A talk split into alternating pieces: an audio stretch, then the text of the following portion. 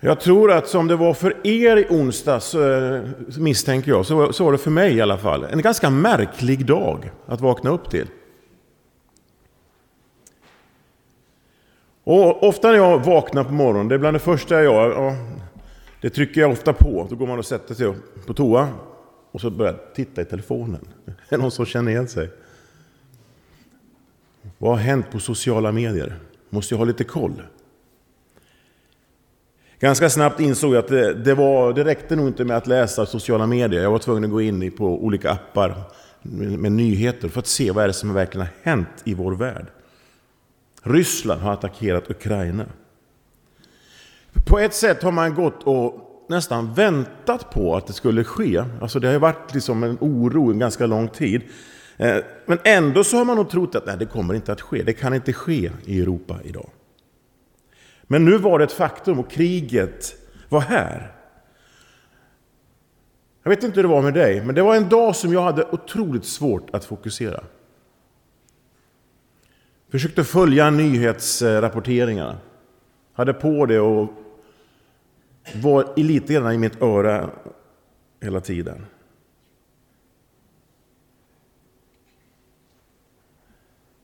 Jag var sorgsen, jag var bedrövad, ja, jag var arg och ledsen.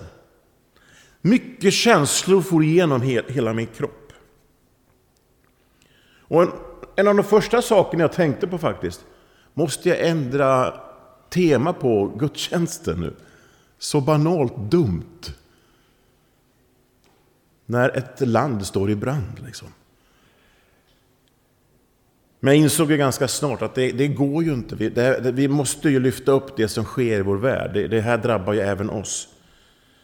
Så istället för att ha en predikan som handlar om tacksamhet, så blir de hopp. För det kommer inte att handla om att församlingen har växt med tio medlemmar under 2021. Det kommer inte att handla om att redan under i det här året har fem nya medlemmar gått in i vår församling.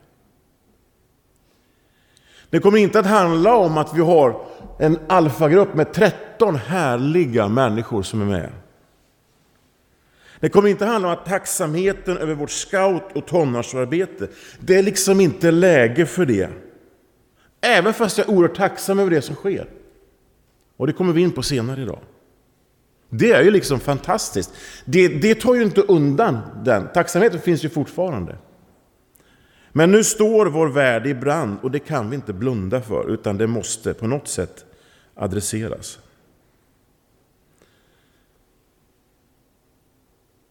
Den här veckan är en av de sorgligaste och mörkaste veckorna på mannaminne. En, en diktator vid namn Putin tror sig kunna bestämma över världen på sitt sätt. En maktgalning skulle jag säga. Och jag tror ni följer varje dag det som sker. Och det är ledsamt att läsa om hundratusentals människor som tvingas fly för sina liv. För att någon vill ta ens land. Och mitt i allt detta så kommer frågan upp. Hur ska Ukraina klara sig? Hur kommer det att bli? Vad blir nästa steg om Ryssland tar kontrollen över Ukraina? Ska vi behöva vara oroliga i Sverige? Kommer ryssen till oss? Och det finns en stor oro tror jag. Vi hade goda vänner hemma hos oss i, och såg på Melodifestivalen i år. Deras barn är klasskamrater med våra barn. Och mamma där berättade att några av deras vänner, deras dotter, 12 år, har haft svårt att somna en natt. Frågade varför. Kommer Ryssland till oss sen? Var frågan. Och en del experter tror ju att detta bara är början. En del tror att det finns en plan att göra om den världsordningen och på ett sätt är den redan omgjord. Och vad händer då med oss? Vad händer med oss?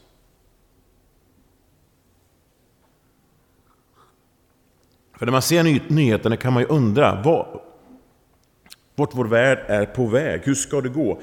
Ingenstans verkar man komma undan ondskan. Och varför är det så? Hur kommer det sig att det finns så mycket ont? Det är en svår fråga och jag kan inte gå in på det djupare idag. Det, det kräver en egen predikan, eller nästan en egen predikoserie. För att svara på det. Men det vi kan konstatera är att det ser mörkt ut.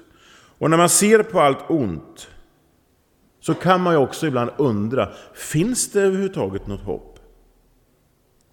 Världen verkar ju vara hopplöst ute. Hur ska världen någonsin kunna läkas från sin trasighet? Från sin synd? Från sin gudsfrånvändhet?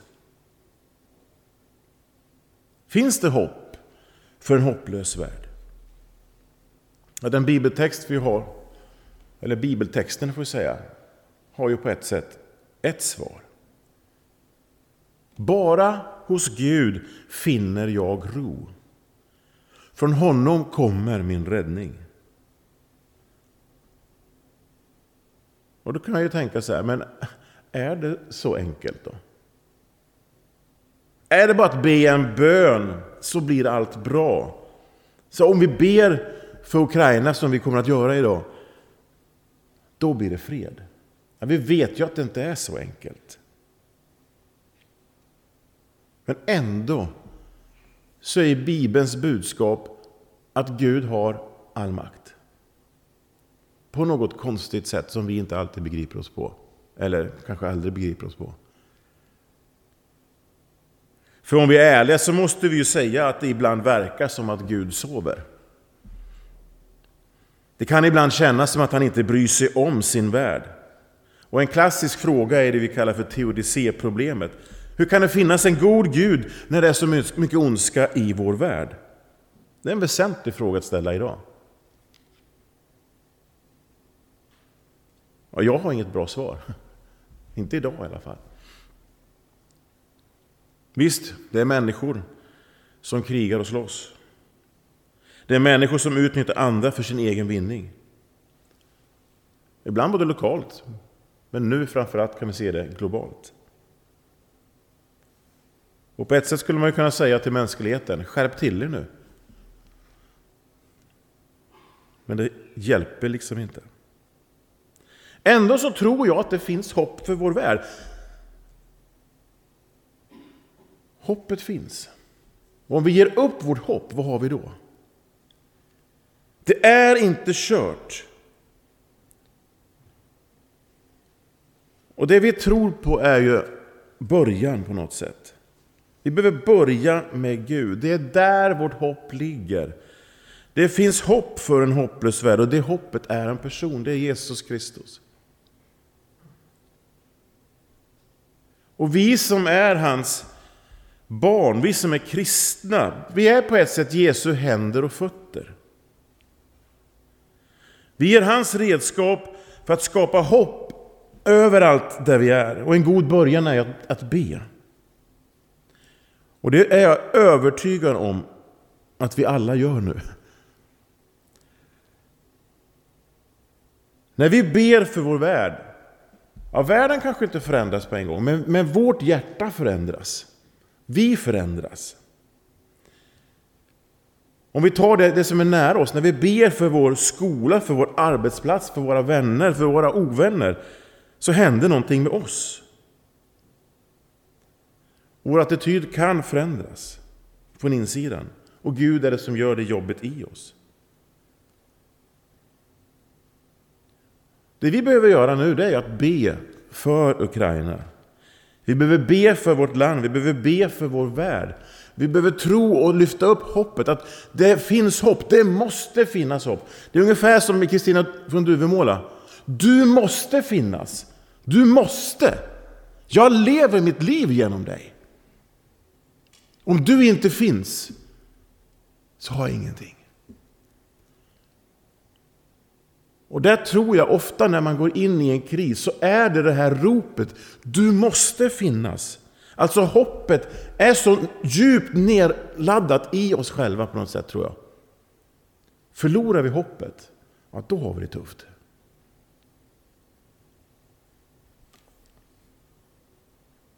Bibeln beskriver faktiskt att ondskan en gång ska ta slut. Och att det faktiskt handlar om rättvisa. Det som vi alla längtar efter. Gud ska en dag komma tillbaka och döma den här världen rättvist. Och han håller hela världen i sin hand. Han ska sätta världen rätt igen. Kärlek och fred kommer på nytt att råda. Och det är ju en dag vi längtar efter, kanske extra mycket nu när det har drabbat Europa igen. Men på domens dag kommer Gud att visa vilken makt han har. Den ligger i hans händer. Och det är en rättvis dom.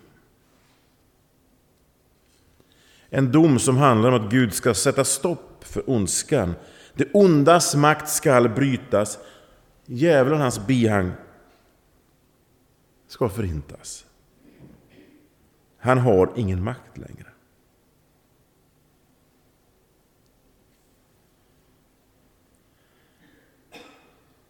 Tänk om du en dag skulle läsa följande löpsedlar från dagstidningarna. Fred i hela världen. Ingen vet vad som hände.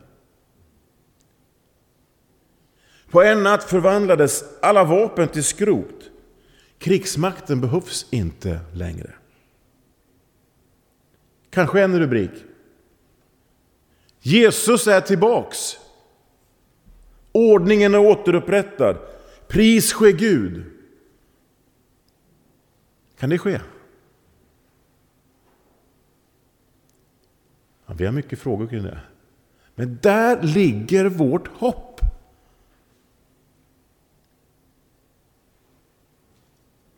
Visst skulle det vara fantastiskt om det kunde ske? Frågan är om vi kan tro på det. Och det är inte lätt att förstå att det kan ske. Men det handlar om ett hopp på en Gud som bryr sig om sin värld och som en gång säger att nu är det nog. Och det är en dag att längta efter. Och det har vi längtat efter så länge. Men vi måste fortsätta att längta efter det.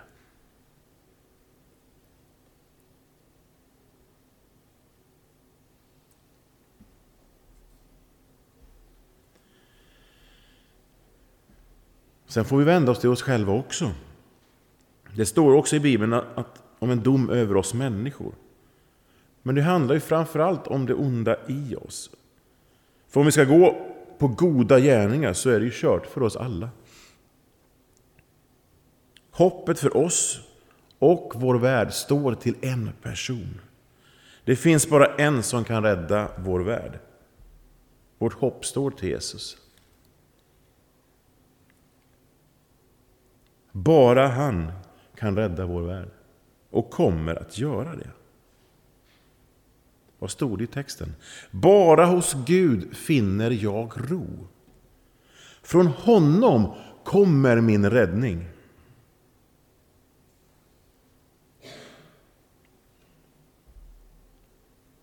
Han är klippan som räddar mig, min borg där jag står trygg. Från Gud kommer min hjälp och min ära. Gud är min tillflykt, min starka klippa. Sätt alltid din lit till honom, du folk. Öppna ditt hjärta för honom. Gud är vår tillflykt.